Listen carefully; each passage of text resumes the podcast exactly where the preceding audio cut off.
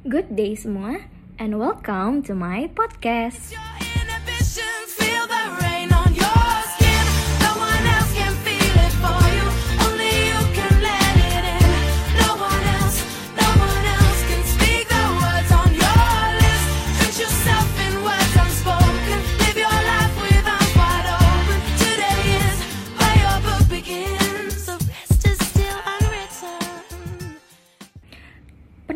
Gak sih di tempat kerjaan atau di perusahaan ada yang jatuh cinta dan ada yang sahabatan dan ada juga yang nemuin rekan kerjanya.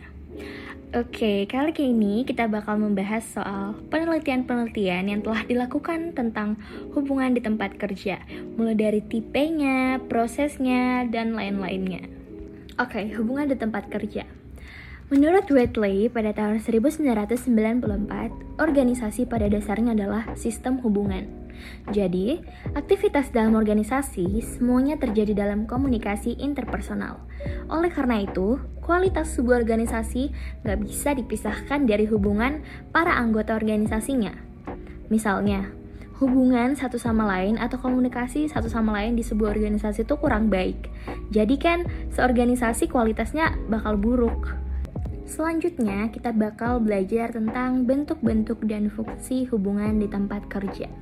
Nah, hubungan kerja di tempat kerja memiliki bentuk dan fungsi yang beragam, seperti hubungan atasan ke bawahan atau hubungan vertikal, rekan sebaya, persahabatan, dan hubungan romantis. Nah, kita bakal lebih dalam membahas tentang hal-hal tersebut. Hubungan atasan bawahan dimulai dengan komunikasi organisasi yang berfokus pada fungsi komunikasi atasan bawahan, termasuk jiwa kepemimpinan, pertukaran informasi, feedback, penilaian, dan mentoring yang akan mempengaruhi kualitas hubungan mereka. Kita akan belajar dari teori Leader Member Exchange atau LMX. Teori ini merupakan fokus teori dasar bagi sebagian besar penelitian hubungan atasan bawahan. Teori ini menekankan bahwa atasan memperlakukan karyawan secara berbeda-beda dan mengakui hubungan atasan bawahan sebagai hubungan pertukaran di mana keduanya saling bertukar kemampuan, sumber daya, dan sebagainya untuk membentuk hubungan yang baik. Dalam teori LMX atau Leader Members Exchange, terdapat dua tipe utama hubungan atasan bawahan, yaitu yang pertama, hubungan pertukaran kepemimpinan atau hubungan berkualitas tinggi. Berkualitas tinggi karena ditandai dengan saling percayanya antara atasan bawahan, saling memberi dukungan, komunikasi yang terbuka, saling memberikan informasi dan keterlibatan dalam negosiasi. Tipe yang kedua, ada hubungan pertukaran pengawasan atau hubungan berkualitas rendah yang ditandai dengan kurangnya kepercayaan, dukungan yang minim, komunikasi yang kurang terbuka, dan lebih banyak pengawasan langsung. Nah, teori LMX ini memiliki konsekuensi dan hasil yang signifikan bagi karyawan dan atasan yang terlibat dalam hubungan tersebut. Karyawan yang memiliki hubungan pertukaran kepemimpinan atau hubungan berkualitas tinggi dengan atasannya cenderung menerima lebih banyak informasi dari atasan mereka, merasa lebih puas dengan hubungan dan pekerjaannya, dan kinerjanya meningkat. Sebaliknya, hubungan pertukaran pengawasan atau hubungan berkualitas rendah dengan atasan cenderung mengalami tingkat kepercayaan rendah dan kriteria kinerja yang memburuk. Namun, kualitas hubungan LMX dapat dipengaruhi oleh kepribadian karyawan dan atasan. Karyawan dengan fokus kendali internal cenderung menikmati hubungan kualitas tinggi. Namun karyawan yang otoriter cenderung kurang mungkin mengembangkan hubungan LMX berkualitas tinggi. Dalam pertukaran informasi, hubungan atasan bawahan merupakan hal yang sangat penting. Misalnya, karyawan baru cenderung banyak bertanya kepada atasan atas tugas-tugas yang mereka kurang mengerti. Untuk itu, atasan merupakan sumber informasi bagi para karyawan baru, khususnya informasi tentang organisasi, departemen, tugas, goals, dan role. Hal ini juga berlaku pada karyawan lama, yang di mana mereka juga merasakan keraguan ketika karyawan baru masuk, seperti posisi, kemampuan, motivasi, dan bagaimana karyawan baru tersebut bisa mengubah proses organisasi dan mempengaruhi tugas karyawan lama. Peran atasan juga sama halnya dengan mereka. Atasan mengandalkan report informasi langsung dari para bawahannya. Kemudian, feedback. Feedback dan penilaian memainkan peran penting dalam memperkuat hubungan atasan bawahan, meningkatkan kinerja karyawan, dan memfasilitasi pengembangan individu di tempat kerja. karyawan akan sulit menyampaikan keraguan akan performa mereka karena mereka khawatir akan mempengaruhi perusahaan. Hal ini sebenarnya kurang menguntungkan karena umpan balik yang efektif dan konstruktif diperlukan untuk pengembangan karyawan dan keberhasilan organisasi. Selanjutnya, mentoring pada atasan bawahan merupakan fungsi penting dalam hubungan atasan bawahan yang dapat membantu dalam pengembangan individu, peningkatan kinerja, dan keberhasilan organisasi. Mentoring merujuk pada hubungan di mana mentor berperan sebagai panduan untuk pengembangan dan kemajuan karier dari pemimpin ataupun karyawan. Mentoring tidak hanya terbatas pada pertukaran informasi, tetapi juga melibatkan bimbingan dan dukungan dalam pengembangan individu. Karena kita sudah membahas hubungan antara atasan dan bawahan, selanjutnya kita bakal bahas hubungan antara rekan kerja. Kita menghabiskan sebagian besar waktu kita di tempat kerja, kalau kita bekerja sebagai karyawan. Sama halnya dengan mahasiswa atau siswa-siswi, mereka menghabiskan um, sebagian besar waktu mereka di sekolah. Nah, bagi para karyawan dan juga para pemimpin, mereka menghabiskan sebagian besar waktu mereka di tempat kerja dan sebagian besar waktu kita secara umum dengan rekan kerja kita. Oleh karena itu, hubungan dengan rekan kerja memiliki dampak yang sangat besar pada proses organisasi dan pengalaman individu. Kram dan Isabella pada tahun 1985 mengungkapkan ada tiga jenis hubungan rekan kerja sejajar yang berbeda berdasarkan karakteristik komunikasi dan tingkat kedekatan hubungan. Yang pertama ada information peers adalah rekan kerja yang memiliki hubungan yang relatif dangkal dalam hal komunikasi, yang terutama berkaitan dengan pekerjaan dan organisasi. Mereka cenderung berbagi informasi yang bersifat permukaan dan tidak melibatkan tingkat kepercayaan yang tinggi, self-disclosure atau dukungan emosional. Biasanya mereka cuma membahas hal-hal yang berkaitan dengan pekerjaan atau organisasi. Collegial peers adalah yang kedua. Collegial peers adalah rekan kerja yang memiliki hubungan yang lebih dalam daripada information peers, di mana komunikasi mereka melibatkan topik pekerjaan dan pribadi. Mereka memiliki tingkat kepercayaan, self-disclosure, dukungan emosional, dan persahabatan yang moderat. Terakhir, ada special peers adalah hubungan rekan kerja yang paling langka dan paling dalam.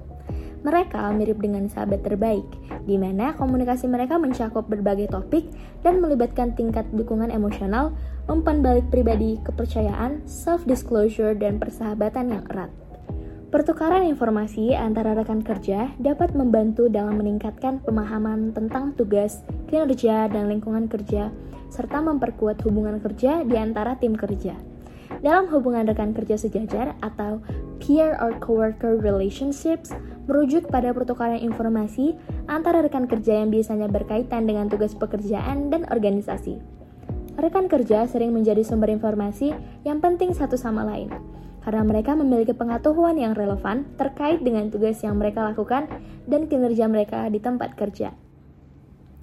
Lalu, dukungan sosial dari rekan kerja dapat membantu individu dalam mengatasi tantangan, memberikan dukungan emosional, dan meningkatkan kesejahteraan psikologis di lingkungan kerja. Misalnya, ketika seorang dalam perusahaan merasa stres akan pekerjaan di kantor, rekan kerja dapat memberikan dukungan yang tidak dapat diberikan oleh orang lain karena pemahaman mereka yang sama dan unik tentang situasi di pekerjaan. Pertama, kita sudah membahas hubungan antara atasan bawahan, lalu hubungan antara rekan kerja. Yang ketiga, kita akan membahas persahabatan di tempat kerja. Pertemanan di tempat kerja berbeda dengan hubungan di tempat kerja lainnya karena sifatnya sukarela dan personal. Persahabatan tumbuh subur di semua jenis organisasi, di dalam dan di semua tempat hierarki, dan di antara semua jenis karyawan. Oleh karena itu, pengaruhnya dalam organisasi sangatlah besar. Jaringan pertemanan dalam organisasi bukan sekedar kumpulan teman yang saling terhubung. Mereka adalah sistem untuk membuat keputusan, memobilisasi sumber daya, menyembunyikan atau mengirimkan informasi, dan menjalankan fungsi-fungsi lain yang terkait erat dengan perilaku kerja dan interaksi. Dengan demikian, pertukaran informasi merupakan inti dari persahabatan di tempat kerja. Pertemanan di tempat kerja adalah tempat yang sangat penting untuk gosip. Pertukaran gosip kemungkinan berkontribusi pada fokus personalistik pertemanan, karena ketika rekan kerja bertukar gosip, mereka datang untuk mengenal dan berinteraksi sebagai pribadi yang utuh di luar persyaratan formal peran organisasi mereka. Dengan itu, mereka yang memiliki pertemanan dalam perusahaan memiliki keuntungan informasi yang lebih banyak dibanding mereka yang tidak. Kemudian dukungan sosial dalam persahabatan di tempat kerja. Dukungan sosial dalam persahabatan di tempat kerja memiliki pemahaman satu sama lain dan konteks tempat kerja yang memungkinkan mereka untuk memberikan dukungan satu sama lain sehubungan dengan masalah dan keprihatinan yang berhubungan dengan pekerjaan dan pribadi. Hubungan ini memadukan dua jenis hubungan interpersonal yang penting, yaitu hubungan pertemanan dan rekan kerja. Selanjutnya kita akan membahas hubungan romantis di tempat kerja. Hubungan romantis di tempat kerja dipengaruhi oleh faktor-faktor seperti kedekatan, kesamaan sikap, dan otonomi pekerjaan. Budaya dan iklim organisasi dapat mempengaruhi perkembangan hubungan romantis. Hubungan romantis di tempat kerja memiliki motif dan konsekuensi yang berbeda, memengaruhi rekan kerja dan kinerja kerja. Terdapat tiga motif utama dalam hubungan romantis di tempat kerja. Pertama ada motif pekerjaan atau job motif, di mana individu terlibat dalam hubungan romantis untuk tujuan kemajuan karir, keamanan, pekerjaan, dan imbalan finansial seperti promosi dan bonus. Kedua, ada motif ego atau ego motif, mencerminkan keinginan akan kegembiraan, petualangan, dan pemenuhan ego.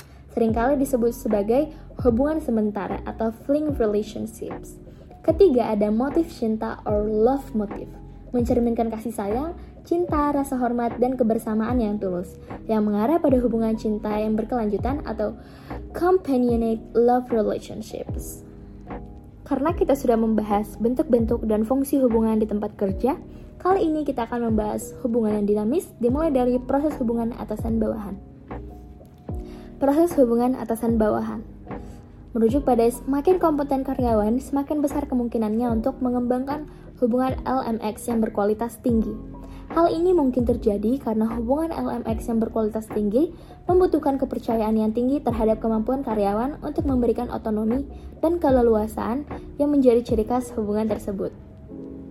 Para ahli komunikasi juga telah meneliti proses di mana individu bekerja untuk mempertahankan hubungan LMX mereka – Secara umum, mereka yang berada dalam pertukaran berkualitas tinggi cenderung menggunakan komunikasi pribadi dan langsung untuk mempertahankan hubungan mereka.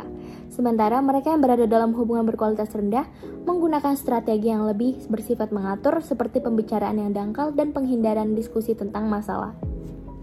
Karena kita sudah membahas proses hubungan atasan bawahan, sekarang kita lanjut untuk membahas proses hubungan rekan kerja dan persahabatan di tempat kerja. Studi menemukan bahwa karyawan lebih cenderung mengembangkan hubungan teman sebaya khusus dengan rekan kerja yang berjenis kelamin sama dibandingkan dengan rekan kerja yang berjenis kelamin berbeda. Pengembangan persahabatan lebih cenderung dipengaruhi oleh faktor eksternal seperti peristiwa kehidupan dan sosialisasi organisasi ekstra untuk pasangan sesama jenis. Sehingga rekan kerja yang berjenis kelamin berbeda tampaknya lebih menjaga persahabatan mereka dalam batas-batas tempat kerja dibandingkan dengan rekan kerja yang berjenis kelamin sama. Hal ini mungkin disebabkan oleh kekhawatiran bahwa orang lain di tempat kerja mungkin secara keliru menganggap hubungan tersebut romantis, bukan platonik. Kemudian selanjutnya, proses hubungan romantis di tempat kerja. Quinn pada tahun 1977 mengidentifikasi tiga tipe proximity yang terkait dengan hubungan romantis di tempat kerja. Pertama adalah geographical proximity yang mengacu pada kedekatan fisik antara individu yang bekerja di tempat kerja seperti memiliki ruang kerja yang berkedekatan. Kedua adalah ongoing work requirement proximity yang melibatkan kerjasama dalam proyek bersama, workshop atau perjalanan bisnis yang memungkinkan interaksi yang lebih intens antara individu tersebut. Yang ketiga adalah occasional contract atau yang mencakup kontak yang tidak teratur antara individu, meskipun tidak secara rutin, namun tetap memungkinkan terjalinnya hubungan. Menurut Miniero tahun 1989, Budaya dan iklim organisasi dapat mempengaruhi perkembangan hubungan romantis di tempat kerja. Penelitiannya membandingkan hubungan romantis di lingkungan kerja yang konservatif, misalnya lambat, konvensional, dan tradisional, dengan lingkungan kerja yang liberal, yang cepat berorientasi pada tindakan dan dinamis. Hasilnya menunjukkan bahwa hubungan romantis cenderung kurang berkembang di organisasi konservatif, yang menghambat hubungan tersebut melalui kebijakan formal dan informal dibandingkan dengan lingkungan kerja yang liberal yang ditandai oleh tingkat tekanan dan aktivitas yang tinggi.